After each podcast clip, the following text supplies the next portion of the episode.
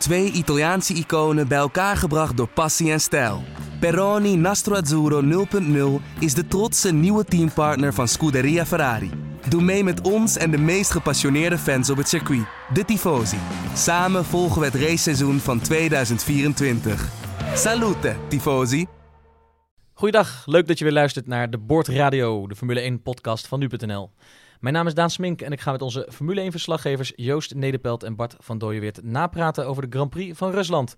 Waarin Max Verstappen maar weer eens een prachtige inhaalrace neerzette en Lewis Hamilton, met dank, speciale dank aan zijn wingman Valtteri Bottas, een flink voorschot nam op de wereldtitel.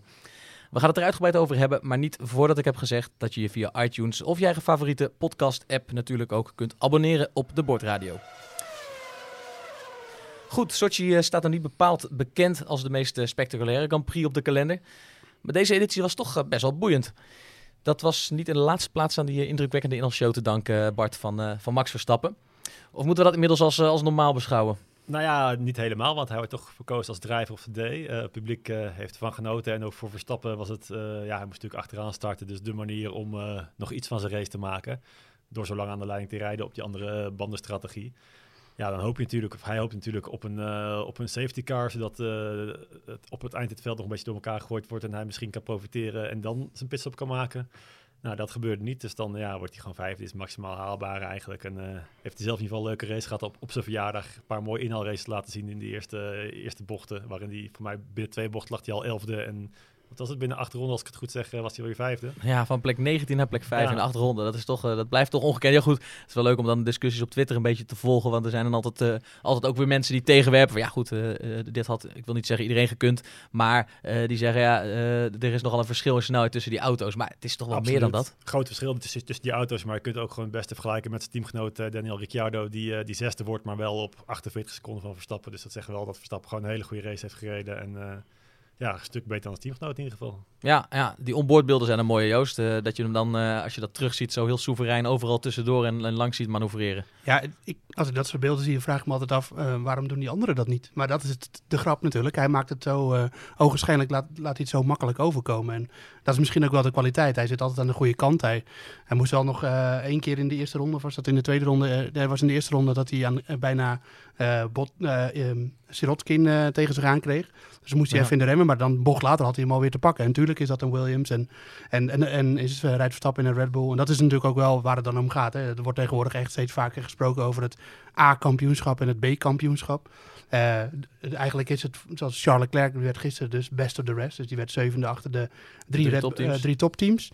Um, en en dat, ja, dat verschil is gewoon, ja, dat, dat zit meestal wel anderhalf seconde per ronde zit ertussen. Tussen de snelste auto van het B-kampioenschap en, en de topteams. En dan is Red Bull natuurlijk nog niet eens de, de allersnelste auto. Al moet gezegd dat de prestaties van Red Bull qua rondetijden echt uh, best wel goed waren in, in, in, in Sochi. En ja, je kunt je bijna afvragen hoe het was afgelopen als ze niet die motorwissel hier hadden gedaan. Ja, inderdaad. Vooraf was al gezegd van Sochi is geen circuit voor Red Bull. Ze hebben daar ook nog nooit podium gehad. Maar ja, tijdens die training en zo zaten ze er best wel lekker bij. En ja, de kwalificatie heeft natuurlijk niet meegedaan. En uh, ja, ik had wel willen zien als ze in de race gewoon als uh, ja. 54 start waren of zo. Ja, jullie zeggen eigenlijk uh, van was het wel een goed idee achteraf om die motorwissel nu te doen? Nou, het moest toch een keer. En, en de uitleg waarom die motorwissel er moest komen was heel helder. Um, die Spec C van Renault, dat is een hele interessante motor, maar Um, het is vaak bij motoren zo dat als ze ja, zeg maar top-end tussen wat hoger in de toeren heel erg goed moeten zijn, dan verlies je dat een beetje laag in de toer. En daar heeft Verstappen had daar dus in, in Singapore heel veel last van, dat hij uh, bijna afsloeg. En met opschakelen en terugschakelen ging het ook niet lekker.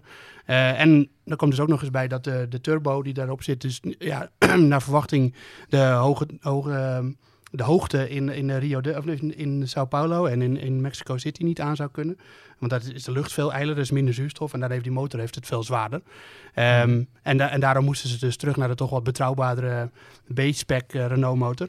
Uh, waarvan Verstappen zelf ook zei van ja, hij, hij, rijdt eigenlijk lekkerder in de zin van de, de drivability. En hij, hij, is niet zo bokkig en zo. Alleen ja, top end. Dus uh, qua echt piekvermogen in de kwalificatie, dan is die ja. spec C wel beter. Iets minder snel deze, ja. Ja, die gaan we ook misschien nog wel terugzien hoor, dit seizoen die motor. Maar dan, hij zit nu in de pool bij Verstappen. Hij heeft nu vier motoren in zijn pool, waarvan één zo'n spec En die, die gaan we waarschijnlijk nog wel terugzien bij een race op, op, op zeeniveau. Dus misschien zit hij er een Suzuka alweer in volgende week. Dat zou best kunnen. Ja, wanneer weten we dat? Nou, dat, gaat ze, dat gaan ze denk ik deze week wel ergens bekendmaken. Maar uh, um, ja, hij is toch goed bevallen in Singapore, die motor. En, en het, het, was toch wel een beetje daaraan te wijten dat hij toch, in, toch wel redelijk mee kon komen. En ook dat rondje kon rijden in de kwalificatie natuurlijk. En, en, en in principe is die, die nieuwe motor er vooral ingekomen voor de races op grote hoogte. Dus uh, Sao Paulo, ja. uh, Interlagos en Mexico City. En, en, en Suzuka ligt op zeeniveau. Dus dat probleem zou zich daar niet voor moeten doen. Nee. Komt nog eens bij dat je daar twee lange rechts, of één heel lang rechtstuk hebt zonder DRS. Dus dat is in de kwalificatie dat wel echt een, een puntje van, uh, van zorg voor de Renault motor. Dus dan kun je die extra paardenkrachten wel uh, gebruiken. Ja. Ja, één ding is zeker, uh, op zijn zoeken gaat hij dan in ieder geval niet, uh, niet achteraan of als voorlaatste starten. Nee, en, en ergens is dat misschien wel jammer hè, voor, de echte, voor de liefhebbers van inhaalacties. Want uh, ja, het, het, was, het, was, het was een spektakel. Christian Horner prees hem er ook uitvoerig voor. Natuurlijk, het is, het is teambaas, maar ja, die, die zei ook, hij, is, hij werd 21 inderdaad op de dag van de race, maar hij reed als een veteraan. En het was een van de bijzonderste openingsfases die we lange tijd gezien hebben, zei Horner. Nou, dat, dat, zegt, dat, dat zeg je ook niet zomaar. Nee, maar volgens mij was er alom lof voor wat Verstappen liet zien. En dat zag je ook wel. Um, nou, ik kijk, kijk, ook altijd wel veel met, met Twitter erbij. En dan zie je veel tweets van, tweets van internationale journalisten en zo voorbij komen. En daar kwam wel heel vaak Verstappen in. Uh, Verstappen met zo'n vlammetje erachter van uh, Verstappen on fire. Uh, ja, hij, hij, maakte de, in ieder geval de openingsfase van de race heel interessant. Want vooraan was het toen natuurlijk nog kalm en was iedereen banden aan het sparen. Um, dus ja, dat, dat was leuk voor Verstappen dat hij zich weer eens zo in de kijker kon rijden. Ja, ja want hij heeft het uh, hij heeft uitstekend gereden nergens uh, laten liggen. Uh, de enige hoop, de enige kans was dus echt zo'n safety car situatie geweest. Hè? Want hij bleef zo lang mogelijk met die banden doorrijden. maar hij wist al, in een normale situatie, als er geen gekke, gekke dingen gebeuren, ga ik het podium niet halen. Nee, ja, klopt. En die safety car had er dan voor moeten zorgen um, ja, dat, dat er op een gegeven moment een safety car was, dat Verstappen dan de pist op kon maken en dan op versere banden uh, alsnog die top 4 aanvallen ja, dat, daar hoop je dan op. Maar ja, na het uitvallen van Toro Rosso's uh, gebeurde niks geks meer. Dus was het gewoon wachten tot het eind van de race eigenlijk.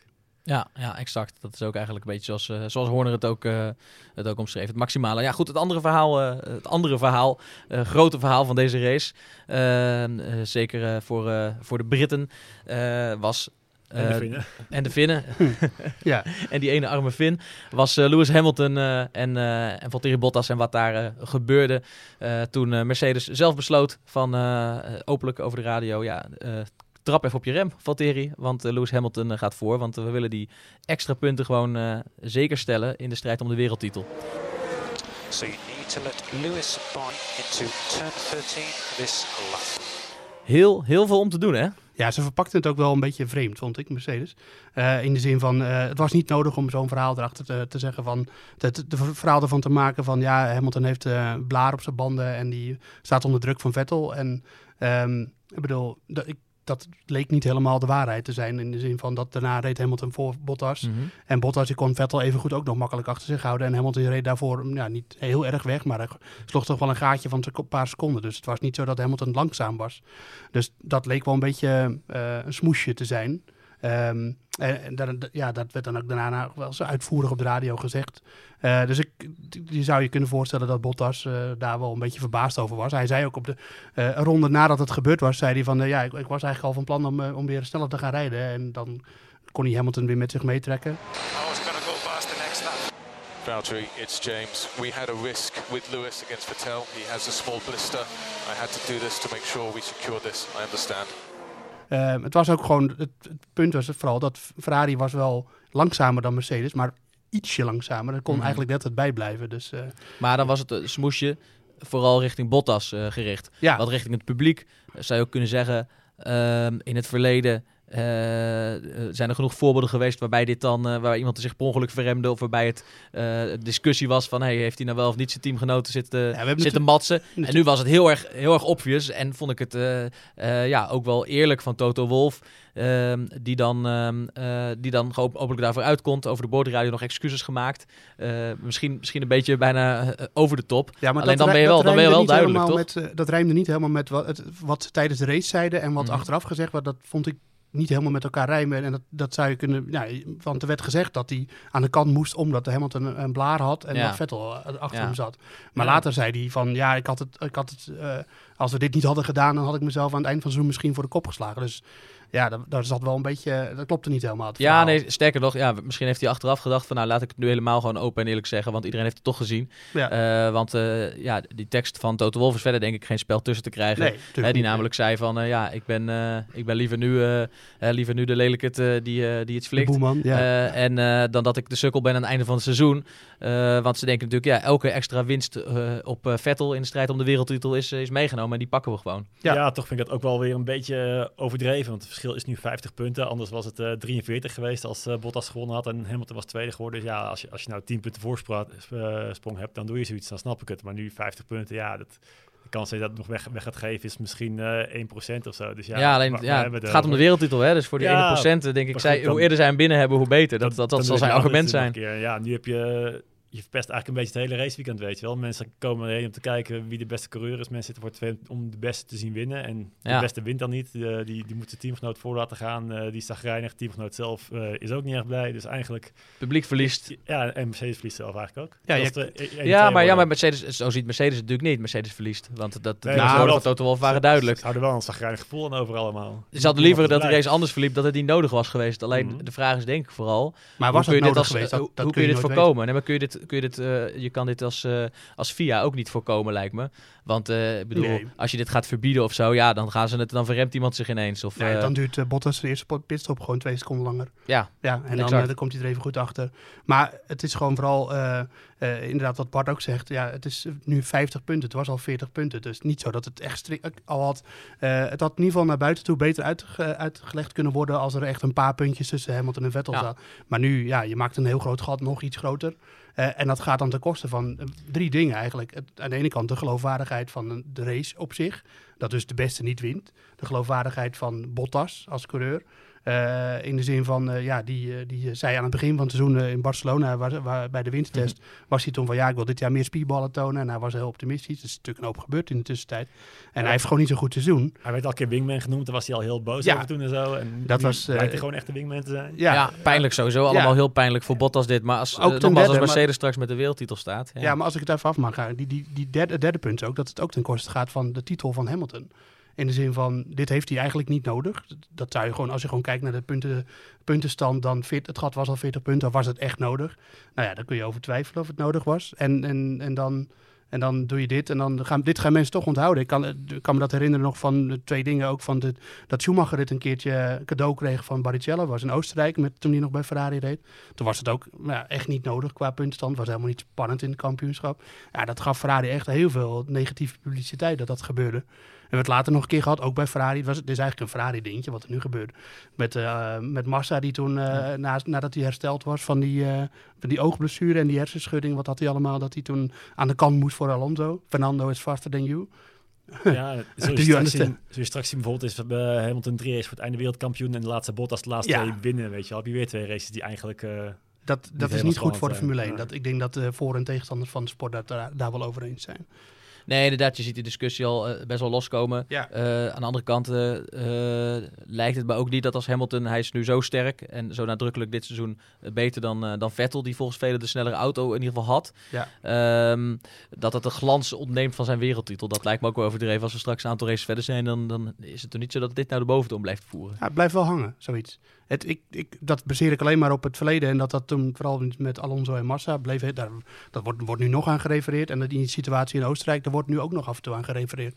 Dat is toch een negatieve, ja, negatief sausje wat er overheen komt. En, ja, en, zeker, en zeker met die, eh, met die, eh, sorry, maar die, die, die titel die Hamilton dit jaar kan pakken. Echt zo'n mooie glansrijke titel met zoveel mooie overwinningen. Ik bedoel, daar, is- daar is iedereen het over eens. En dan was dit gewoon, ja, zou, zou je toch moeten kunnen oordelen dat het niet nodig was. En dat, eh, dat, het is misschien heel rationeel gedacht natuurlijk gewoon heel logisch om te doen. En dat zei bijvoorbeeld Vettel ook. Die zei van ja, het is een no-brainer. Maar ja, dat is misschien meer gedacht als een coureur. En wij denken misschien iets meer ook vanuit perspectief van de fans. Vettel Ja, prees Mercedes. geen, geen enkele fan vindt het leuk om naar te kijken. Nee. Ferrari niet, Mercedes niet. eh. Nee, Nee. En Vettel die prees Mercedes, hè? Eh, Iedereen dacht, eh, Ja. de pers hoopte natuurlijk dat Vettel daar wat negatiefs over zou zeggen. Maar die zei, eh groot gelijk, ik zou hetzelfde gedaan hebben, complimenten. Ja, Vettel die heeft ehm, in de vier jaar dat hij bij Red Bull wereldkampioen werd, heeft hij ook eigenlijk vaak een tweede coureur gehad die ook wel eens voor hem aan de kant ging, Mark Webber. En, en, en bij Ferrari heeft hij natuurlijk ook Rijkonen die in zijn, nou niet echt zozeer in zijn dienst rijdt, maar die gaat ook aan de kant als het moet. Dus Vettel vindt het natuurlijk heel erg logisch. Maar ja, zoals, zoals wij kijken, ook een beetje vanuit het fanperspectief. En dan is het gewoon slechte PR voor de Formule 1. Dat, denk dat, dat, dat, dat was in ieder geval de consensus die ik, eh, die ik eh, gisteren teruglas en eh, vandaag ook nog terug. Je zag het ook live op tv nog na aflopen dat Hamilton dan gelijk daarna, wat hij overigens wel netjes deed, vond Ja. ik hoor, gelijk op Bottas afstapt om hem even te bedanken en te zeggen van jongen, ja, ik vind het ook kloten voor je. Hij maar probeerde het ook was de heel beker nog te geven hè, op, het, op het podium. Dat zag je. Dus dat was, ik weet niet of dat ook op- in de uitzending zat, maar dat zag ik later op een, in een Instagram-video van Formule 1. Dat Hamilton eigenlijk de beker van de winst aan Bottas wilde geven. Maar Bottas die wilde hem natuurlijk niet. nee, de, welke sportman neemt dan die beker aan? Dat, eh, Nee. dat was toen trouwens met, eh, met Schumacher en Barrichello. Dat, dat Barrichello aan de kant moest, was dat ook zo. Toen wilde Schumacher dat het Barrichello op de hoogste, hoogste schavot eh, stond, wilde sta- moest gaan staan. En dat wilde Barrichello ook niet. En die vond dat ook heel ongemakkelijk. Het is. Het, het was ongemakkelijk, hè? Ja. Hamilton inderdaad, zei Ja. zelf na afloop ook, hij kon ook niet echt uitbundig of blij zijn met die zegen natuurlijk. Omdat, ja, de manier waarop hij hem dan wint en eh, hoe lastig dat voor Bottas is als Hamilton naast hem staat te juichen, dat eh, en dat leek hem niet gepast. En dat voor een paar puntjes, ja. Dat, dat, is dat gaat ten koste van iets. En dat, nou, ja, dat stellen we hier vast, in ieder geval waar het ten koste van gaat. Ja. Goed, dan eh, de- titelstrijd, want hè, we, noemen het net al, die is, die is eigenlijk, mogen we zeggen dat die beslist is? 50 punten verschil. Vettel zegt, ik geloof er nog in. Maar dat moet hij natuurlijk ja. zeggen. Ja, Maar dan moet Hamilton twee keer uitvallen. Hij is dit seizoen pas één keer uitgevallen. Dus ja, het gaat gewoon nooit gebeuren. dat, eh, Ja. Ondenkbaar. ik, ja, Vettel die zegt dat voor de bühne, denk ik. Maar eh, dat, eh, Laten we heel, heel even, kunnen we een snelle rekensom maken met wat er nou, eh, wat voor scenario er nog denkbaar zou zijn dat Vettel nou, wel wat, wat wereldkampioen Bart wordt? zegt. Wat Bart zegt, als hij twee keer uitvalt. Maar dan nog, dan moet hij... Dan, En zonder uitvallen? ja, dan moet... Dan heeft hij niet meer in eigen hand. Als, Nee. eh, als Hamilton elke race tweede wordt achter Vettel, dan eh, haalt hij niet meer in. Nee, En als Vettel er nog drie wint en eh, Hamilton eh, een paar keer buiten het podium valt, ja, dan blijft Ja, het dan- gat toch groot. ja, maar het is al zo'n marge. Dat, eh, ja, dat, nee, eh, uitvalbeurten, ja, wat Bart zegt, dan moet hij echt minimaal twee keer uit gaan vallen, Hamilton. En dan, ja, als, die, als, eh, als Hamilton twee keer uitvalt en Vettel wint die bij de race, dan staan ze in weer gelijk. Maar dan nog kom je nog weer op het punt aan dat het toch eh, erop lijkt dat Ferrari eigenlijk de voorsprong qua snelheid wel een beetje kwijt is. En waarom dat in zit, ja, het, eh, Mercedes had, eh, had dit weekend een nieuwe diffuser mee. Dat is de tunnel aan de onderkant van de auto die, eh, die neerwaartse kracht genereert. Die, die leek in ieder geval goed te werken, want Mercedes Zeker, nou dat wordt ook steeds gezegd, hè, dat die, na die zegen van Ferrari in Spa, dat, dat Toto Wolff toen heeft gezegd van ja, oké, nu moeten we echt aan de bak, want het gaat echt fout. En eigenlijk Singapore waren ze alweer, nou zeker even snel als Ferrari. Ik heb Ferrari al, al best, eigenlijk sinds Spa niet meer bovenaan de tijdenlijsten gezien in de kwalificatie of in de race. En, en ook in vrije trainingen gaat het ook niet altijd makkelijk. Dus eh Monza gaven ze natuurlijk weg op een Ja. klunzige manier. Dat, eh, daar zijn we het ook allemaal wel over eens. Dus eh, Mercedes heeft gewoon weer de overhand en misschien ook wel gewoon weer de snellere auto. Dat, eh, dat, dat, lijkt, dat lijkt het wel op. Ja, voor het vijf jaar op rij. Hè. En, eh, we hebben eigenlijk wel een spannend seizoen gehad, maar de conclusie is toch weer hetzelfde als de afgelopen vijf jaar. Dat eh Mercedes toch weer best voor elkaar heeft. Ja, ja en dat, dat, dat de parallellen tot, met, tot, eh, ja, dus met vorig jaar zijn in ieder geval wel echt groot inderdaad. eh, want eh, het is, Ferrari heeft gewoon weer bij momenten de snelste auto. Dat was vorig jaar minder lang zo dan dit jaar. Maar ook gewoon door weer eigen fouten en ijzersterke Hamilton geven ze het gewoon weg. En dat, ze hebben vooral niet benut, het potentieel niet benut van de auto. Dat mogen ze zichzelf wel aanrekenen. Ja, want als je dan even terug gaat nog naar, naar deze race, kan Vettel zichzelf dan nog iets eh, verwijten? Hamilton inderdaad eh, soeverein, de Mercedes was weer sterk. Eh, maar Vettel eh, Maakte ging niet helemaal vlekkeloos. maakte één belangrijk foutje. Dat het moment, hij had natuurlijk de kans om voor Hamilton te eindigen. En dat was dat hij uit de uh, pitstraat reed en dat hij voor Hamilton terecht kwam. Alleen toen zat hij in het DRS bij Bottas. Dus hij zat binnen een seconde van Bottas. En Hamilton zat ook één seconde, binnen één seconde van hem. Dan heb je een soort DRS-trein en dan hou je het een beetje in stand. Alleen toen maakte eh, Vettel, dat zei hij zelf ook in bocht 13, een remfout. Eh, dus dat is na de tweede DRS-zone. Maakte hij een remfout. Hij, ging hij uit de DRS bij Bottas. Dus daar had hij geen voordeel meer van. En Hamilton zat nog dichter op hem. En toen kon Hamilton hem aanvallen. Wat, wat ik wel weer opvallend vond, is dat Hamilton dus een mislukte aanvalspoging deed in bocht 1 of 2 is dat formeel. Hè, met die actie waar we zo nog even over eh, Mhm. praten natuurlijk. En dat hij dan in de bocht later even goed Vettel alweer aan kon vallen. Dat was toch wel, gaf ook alweer de, de kracht van Hamilton weer. En misschien ook wel een beetje de zwakte van Vettel in zo'n situatie. Dat Hamilton toch echt wel heel graag er voorbij wilde. En dan lukt het ook gewoon. Zeker in, ook nog in twee pogingen. Dus dat was eh, extra knap van Hamilton. Ja, ja, dus ze zeggen inderdaad, eh geldt voor veel sporten. hè, Wie de minste fouten maakt, eh, die, wordt, die wordt kampioen. Ja. Dat kun je nu zeker zeggen van, van Hamilton. Vettel hebben we al eerder ook meer voorbeelden behandeld eh, waarin hij eh, eh, duidelijk in de fout ging. Eh, Ja, is dat, is dat stress? Waar zit het hem in? Want eh, ja, laten we het eh, er maar bij pakken. Dat moment eh, dat, hij, eh, dat Hamilton hem al in wilde halen. En dat Vettel uiteindelijk niet bestraft werd. Maar dat, dat ging toch ook niet helemaal zoals hij eh, had gewild, lijkt me. Nee, het was. ehm, Eh, eh, ja, je kunt er natuurlijk over, over twijfelen of het nou één hele beweging was of dat er twee losse bewegingen waren naar rechts toe. Ehm, ja, op beeld zag het er in ieder geval uit wel als een beetje, het was geen vloeiende beweging. Zeker niet, nee. Nee, eh, aan de andere kant, je mag eh, niet eh, van twee keer van richting veranderen in de remzone. De vraag is of ze al aan het remmen waren. Dat is eigenlijk hetzelfde als wat met, met Verstappen en met Ricciardo gebeurde natuurlijk in Baku. Dat gebeurde misschien wel in de remzone, maar misschien ook wel voor de remzone. En het feit dat Hamilton in de remmen moest om Vettel te ontwijken, daar zou je uit kunnen horen dat ze dus nog niet aan het remmen waren. Want anders hoef je kunt niet remmen tijdens het remmen. Laten we het zo zeggen. Dus eh, ja, en het werd dus blijkbaar beoordeeld als één beweging van Vettel wat hij deed. En, eh, en in ieder geval dezelfde kant op. Kijk, als daar Ja, je echt- mag niet twe- twee keer van richting veranderen, maar je mag wel ja, één keer van richting veranderen met een kleine hapering. en zo. Ja. Daar staat niks over in de regels. Nee, het was, het was een soort van een penalty met een kleine hapering eh, in de Ja, aanloop. ja, ik wou zeggen, ik zag hem toch eens naar rechts gaan en toen weer iets terug en toen nog een keer. Ja, hij ging niet terug volgens mij. Hij ging naar rechts Nou. en toen nog weer iets verder. Maar ehm, tenminste, dat leek uit de beelden eh, leek ik dat op te maken. En eh, Hamilton schrok er heel erg van. Die had het misschien niet verwacht. Maar ja, een bocht later was hij er alsnog langs. Dus dat zal ook al een beetje meegeholpen hebben in het feit dat Vettel geen straf kreeg. Dat hij de plaats toch al kwijt was. Dus. En, en had hij een straf gehad, dan was het waarschijnlijk vijf seconden geweest. Dus dan was hij evengoed nog derde geworden. Dus ja, dat maakt ook voor de uitslag niet zoveel. Nee. Nee, de vraag is dan ook waar het hem in zit. Hè? Dat, is, dat is heel moeilijk te duiden. Daar heb je bijna een psycholoog eh, bij nodig. Maar eh, waar het hem in zit, dat Vettel dus eh, kennelijk toch foutjes maakt. Oké, even los van de auto's Ja. en de Mercedes die zich beter heeft doorontwikkeld wellicht tijdens het seizoen. Maar ehm, eh, Vettel die wel foutjes maakt onder druk. En Hamilton die, die vliegenfluitend eh, bijna aankomt zetten. en, en gewoon die auto instapt en met een glimlach weer uitstapt. Maar ondertussen super geconcentreerd rijdt en heel Ja. soeverein eh, te werk gaat. Dat is wel bizar om, eh, om Hamilton een beetje te volgen in zijn eh, dagelijks leven buiten de baan om. Het is gewoon een bijna megalomane levensstijl die hij erop nahoudt. Hij is in, de, in de zomerpauze van de Formule 1, die, die vier weken, is hij volgens mij in twaalf verschillende landen op vakantie geweest. Op drie verschillende continenten. En nu Amsterdam komt hij ook graag, hè? Amsterdam is hij ook inderdaad. Ehm, hij is eh, afgelopen woensdag, zeg maar, de dag voordat hij in Sochi moest zijn, eh, is hij nog met Nick Minaj eh, aan het quadrijden in de woestijn in Qatar, duizend kilometer verderop.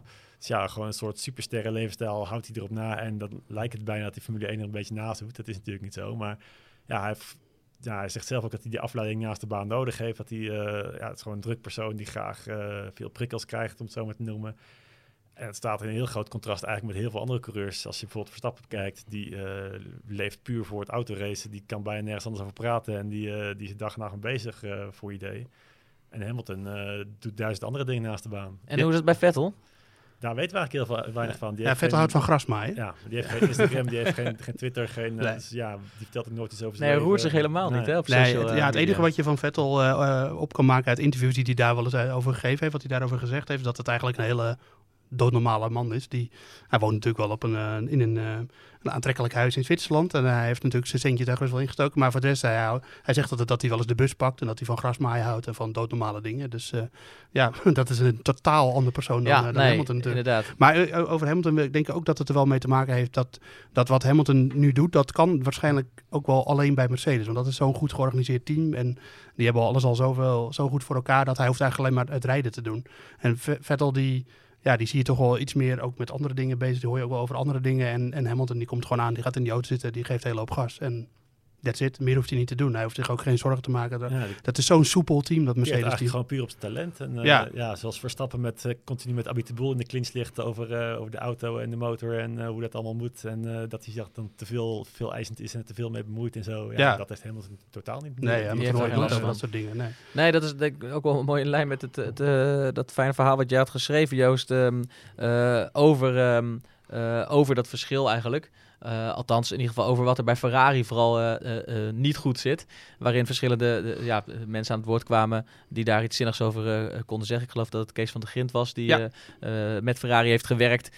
die ook eigenlijk al schetste van, ja, zolang als daar te veel Italianen in de leiding zitten, dan is het vaak meer op emotie en meer chaotisch.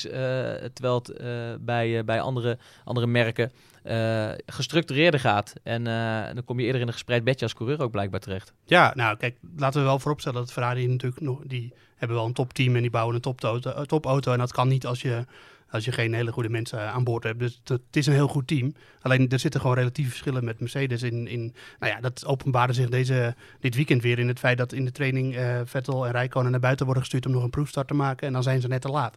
En Vettel moest zijn auto stilzetten aan het eind van de pitstart, want het licht stond op rood. En dan moest de auto teruggeduwd worden. Ja, Dat is wel Ik- je een weet Italiaanse toestand. Je weet het niet, maar ik heb het vermoeden dat dat Mercedes nooit zou overkomen. Dat soort dingen. En, en dat, dat zijn toch echt van die... eh, van die, van die en dat was ook in, in, in Spa. Toen was Be- Vettel over de radio aan het schreeuwen dat ze zijn auto over de grond heen schraapte en zo. Dat soort, het is gewoon, ja, ik, ik, ik kijk al heel lang Formule 1 en vroeger was het altijd al zo bij Ferrari. Dan hadden ze ook, bij Ferrari vroeger hadden ze van die gele opvallende overhemdjes aan in de pit. En dan kwamen Alesi, Jean Alesi en Berger, de coureurs, die kwamen dan in de pit. En dan werd er een pit, pitstop gemaakt of er was iets tijdens de training. En dan zag je die chaos en die gele shirtjes renden allemaal door elkaar. En geen idee wat iedereen aan het doen was. eh, en, en bij andere Britse teams zag je dat toch een stuk minder. En dat, ja, je, bedoel, je bent er niet bij en bij de besluitvorming, dat, dat, laat ik dat voorop stellen. Maar het oogt af en toe wel erg eh, chaotisch bij Ferrari. En, dat, dat, en het is waarschijnlijk geen toeval dat dat dan ook uitmondt in operationele blunders. Zoals we in Monza hebben gezien in de kwalificatie. En, Ja. en ook in België natuurlijk, dat Vettel met een lege accu kwam te staan eh, van het kerstsysteem in de laatste ronde. Dat ze ook niet goed doorgerekend. Ja, dat zijn van die Dat dingen. zegt wel wat. Ja, kort- Ja. kortom, eh, Hamilton dit jaar aantoonbaar de beste coureur. Ja, en Mercedes, Eh, het, en beste Mercedes team. het beste team. Ja, dat, Ja. ja. Exact. Ehm, laten we dan nog even kijken, want het- er zijn best wel wat races te gaan. Ja. Eh, en wat krijgen we nog voor leuks te zien dit jaar? Want goed, eh, de titelstrijd is dus in feite beslist, zeggen we. Eh, Max Verstappen doet ook niet meer om de titel mee en die wacht vooral straks op de nieuwe auto of de nieuwe motor voor volgend jaar. Ja. Eh, die, die Honda motor. Wat, wat kunnen we dit jaar in die resterende races nog verwachten? Waar moeten we naar uitkijken? ja, Mexico. Ehm, Voor Verstappen, ja. Ja. Dat Me- moet hem gaan worden dan. Ja, Mexico is het circuit waar, eh, waar de auto van eh, Verstappen het beste voor de dag moet komen. Eh, die won hij vorig jaar natuurlijk, Mexico. Maleisië ook, maar die zit er helaas niet meer bij. Maar ehm, dat is een, circuit waar, waar... Ja, er zit wel een lang rechtstuk, maar eh, dat heeft er wel iets mee te maken met die grote hoogte. Dat die motoren daar toch iets minder hard lopen. Dus dan is dat effect misschien voor, eh, voor Renault wat minder groot. Maar er zit ook een heel groot bochtig gedeelte aan.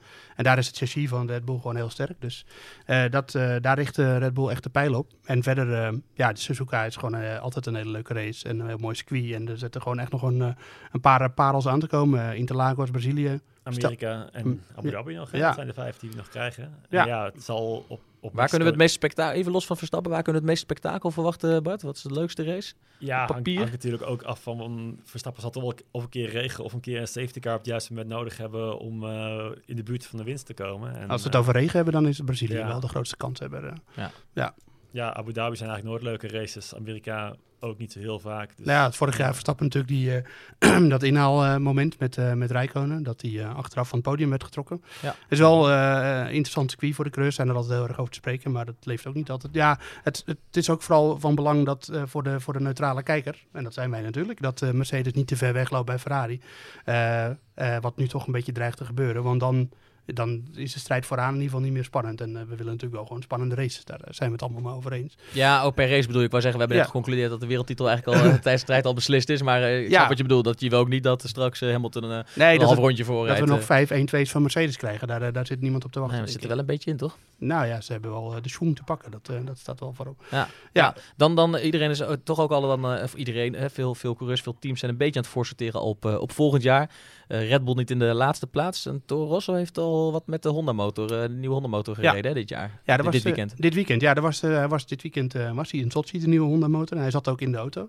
En de coureurs waren er echt heel erg over te spreken. Dat, eh, dat, die, dat ze in ieder geval Renault voorbij zijn qua vermogen. Konden ze dat, kunnen ze, sorry dat ik je onderbreek, maar kunnen ze dat nu al zo snel zeggen? Of is het ook een beetje politiek gepraat? Van ja, ze moeten natuurlijk wat positief zeggen over die nieuwe motor. Nou ja, je hebt gewoon onderling, ze, weet- ze weten van elkaar en van, van, van zichzelf natuurlijk de GPS-data. en ze kunnen gewoon zien hoeveel tractie je hebt op een rechtstuk. En je, ze, hebben ook, ze kunnen ook zien hoeveel, met hoeveel vleugel mensen rijden. Ze kunnen dat wel ongeveer uitrekenen. Ehm, eh, dus ja, dat, ze, kunnen, ze, kunnen gewoon wel inschatten. Verstappen weet ook dat hij bijvoorbeeld op de topteams 70 pk tekort komt. Nou dat, dat zuigt hij niet uit zijn duim. Dat, zijn eh, wel, eh, dat is wel berekend. Maar Ja. to- toch hoor ik iedereen bij Toro Rosso het hele jaar positief zijn over die motor. En ik, de laatste goede race van Toro Rosso, dat is ook alweer eh maanden is geleden. zeker waar, Dus, ja. Ja, Ik heb altijd een beetje een dubbel gevoel bij of zo. Het is altijd positief, maar ja, de prestaties... Je ziet het niet per se terug. Nee, Nee, nee ja, afgelopen weekend dat is ook een drama weekend. Met allebei een probleem in de remmen, waardoor ze uitvielen. Maar in ieder geval, ja, dat, wat Toro Rosso voor, de, voor prestaties levert, dat is voor het Verstappen perspectief natuurlijk ja, wel belangrijk, want het is leuk als die Honda-motor het goed doet. Maar ja, hij, uh, hij doet in ieder geval niet meer onder voor de Renault-motor. En, uh, en de stappen kunnen alleen maar groter worden. En dat zo'n nieuwe motor er dan is en dat hij dan ook echt uh, het goed doet en veel vermogen heeft, dat is positief in ieder geval voor Verstappen voor volgend seizoen. Er waren alleen nog wat problemen met de, de manier waarop de motor bevestigd was aan het chassis, waardoor die, want iets te veel vibraties waren, dus dan moest hij er weer uit. Maar goed, dat zijn kleine dingetjes, die kunnen ze gewoon wel oplossen. Dus waarschijnlijk ziet hij er volgende week in Japan, wat natuurlijk de thuisrace is van Honda, zal hij er wel weer in zitten, want dan moet het gebeuren. Ja. ja. Dan, dan, is er meer over te zeggen in ieder geval. Ja, dat is wel iets om in de gaten te houden. En uh, ik denk dat, dat het, ja, met, kijk, Verstappen zit eigenlijk vanaf het begin van het seizoen al steeds in hetzelfde schuitje. En dat is eigenlijk natuurlijk niet eens dit seizoen, maar dat is al ja, jaren zo. Dat die motor elke keer het probleem is. En die auto, daarom gaat, die, gaat Red Bull ook best wel goed in Sochi, omdat die auto gewoon heel erg goed in, is. En die auto verdient gewoon een betere motor, Verstappen ook. Dus uh, in dat licht is het goed als uh, Honda grote stappen zet. En ze hebben natuurlijk ook gezegd, ja, we gaan meer experimenteren. Dus er zullen wel waarschijnlijk nog wel wat meer start van achteraan de grid komen van, uh, voor uh, Toro Rosso. Met misschien nog weer nieuwe componenten om maar zoveel mogelijk voorbereid zijn op het volgende seizoen. En dan, ja, ja. Toro Rosso is dit jaar wel echt grotendeels opgeofferd om die motor zoveel mogelijk ja. te greden en uit te testen. Zodat Red Bull volgend seizoen over een goede motor kan beschikken. Zeker, ja. Gasly heeft al kunnen laten zien wat hij waard is natuurlijk. Die heeft al een zitje en Hartley, nou... Marco die zou gezegd hebben dat hij dat Hartley, al zou Hartley een paar keer voor Gasly finishen nog aan het eind van, dit, van het restant van het seizoen, dan zou hij ook uh, volgend jaar een stoeltje hebben. Um, naast Fiat dan, die natuurlijk is aangekondigd dit weekend. Maar nou, dat, dat, er moet er nog heel veel uh, gebeuren voor Hartley. Want die heeft echt geen goed seizoen. Ook heel veel pech, dat moet ook gezegd worden. Oké, nou we gaan het zien. De komende races moeten uh, ook meer duidelijk worden over die, uh, over die uh, Honda-motor waar Verstappen volgend jaar ook mee gaat rijden. nog even over de Grand Prix van Japan, want ik zat even naar de statistiek te kijken en de laatste hoop moet dat dan een beetje zijn hè, voor Vettel. Vettel heeft daar vier keer gewonnen en Hamilton maar drie keer. Ja, maar helemaal, uh, ja, Vettel die won daar ook wel vaak met uh, de opmachtige Red Bull. Nou moet je het niet gelijk gaan nuanceren. ik nee. probeer nog een beetje spanning erin te brengen. Ja, nee, Vettel gaat winnen. Nee, uh, ja, het is, het, wat heel belangrijk is, ik had sprak voor het stuk waar je het net, net aan refereerde, ook nog even met Hoping toen, de Nederlandse coureur. En die zei dat die, die ziet ook vooral dat het aan de banden ligt dit seizoen. En hoe Mercedes met de banden omgaat. Want Mercedes had in het begin van het seizoen veel last van overhitting van de achterbanden. Daar zijn ze helemaal vanaf, dat probleem. Um, en de, de, temperatuur van de baan speelt er ook een rol in. En als het koud is in Suzuka, dan is de verwachting dat zij hoop in uh, toen in ieder geval dat het dan de Ferrari weer wat beter voor de dag komt. Die hebben nu iets meer baat bij koudere temperaturen. Dus die hadden waarschijnlijk in Sochi ook al op wat koudere temperaturen gehoopt. Um, en, en, als het heel warm is, dan heeft Mercedes waarschijnlijk de overhand. Dus dat, dat speelt ook nog een rol. Dat zijn van die details, ja, daar denken wij misschien niet zo snel aan. Maar een coureur uh, denkt daar natuurlijk wel aan. En uh, dat gaat wel eens misschien wel een rol spelen. En dan, uh, het zou voor het kampioenschap natuurlijk gewoon het beste zijn als Vettel uh, nog een hap uit de voorsprong van Hamilton neemt. En, en dat het weer spannend wordt. Daar, daar, is iedereen bij gebaat bij een spannend kampioenschap. Op Hamilton na dan. Die wil natuurlijk dat het snel mogelijk afgelopen is. ja. ja, en ja goed, wie weet hè, Verstappen. Ik bedoel, het zijn vaak de momenten dat niemand er misschien meer op rekent. Dat je ineens nog kan, kan verrassen. Je weet, het, je weet het nooit. Nee. De carousel tot slot moeten we nog even, even behandelen. Want uh, er zijn uh, een paar, paar zitjes, je verwezen net al eventjes naar uh, bekend geworden. Ja, en, en er staan nog maar een paar plekken open. Ik ben toch wel verbaasd dat, dat we Fiat weer gaan zien bij Toro Rosso. ja, het is toch het opleidingsteam van het opleidingsteam van het ja. jeugdteam wat Red Bull eigenlijk is. En um, ja, dat ze dan toch weer met een ja, afgeserveerde rust terugkomen die, die al zijn kansen gehad heeft en die gepakt heeft. ja, bij gebrek aan beter. Ja. Dat is eigenlijk. Ja, ze hebben gewoon. Ze hebben niemand. Uh, dat, is, uh, dat is het uh, punt. Ze hebben Daniel Tictum in de Formule 3 rondrijden. Die momenteel verslagen wordt door Mick Schumacher. Daar. en die gaat waarschijnlijk daardoor geen superlicentie krijgen. en die heb je nodig om Formule 1 te rijden. Daar heeft hij punten voor nodig. En um, alleen als hij kampioen wordt, dan zou hij misschien. Nee, dan, ja, dan zou hij als het goed is wel die licentie krijgen. Maar het lijkt erop dat Mick Schumacher kampioen gaat worden. Dus dat, dan is dat talent al überhaupt al niet mogelijk. Uh, in de Formule 2 hebben ze momenteel ook niet echt grote namen rondrijden die, eh, die daar kans maken. Dus ja. En dan ga je dus dan ga je voor Kwiat uh, en niet voor bijvoorbeeld Ocon. Ocon, uh, ja, Helmut Marco heeft dus gezegd: ik wil Ocon wel in de auto, maar dan moet hij al zijn banden met Mercedes doorsnijden.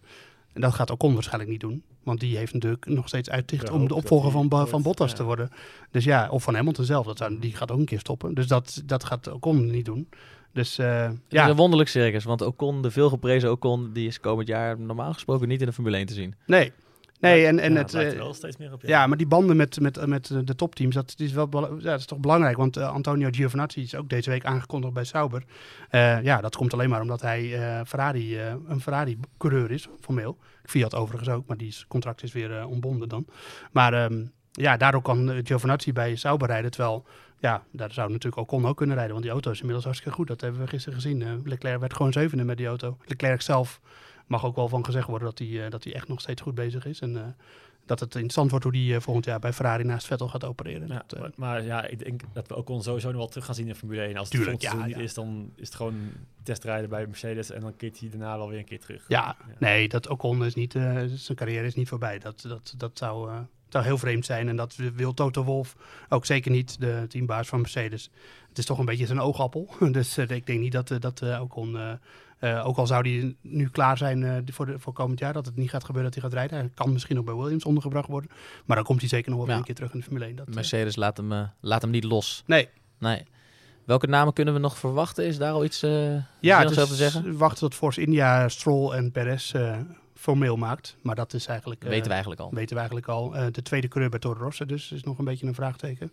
Um, en uh, de Williams coureur, zowel Sirotkin heeft formeel een contract. Maar, Meerjarig contract, hè? dus die zou normaal gesproken moeten ja, blijven. en zijn, Russische roebels uh, zijn ook wel welkom daar, uh, want het uh, gaat niet goed met Williams financieel gezien. De hoofdsponsor Martini gaat ook weg daar.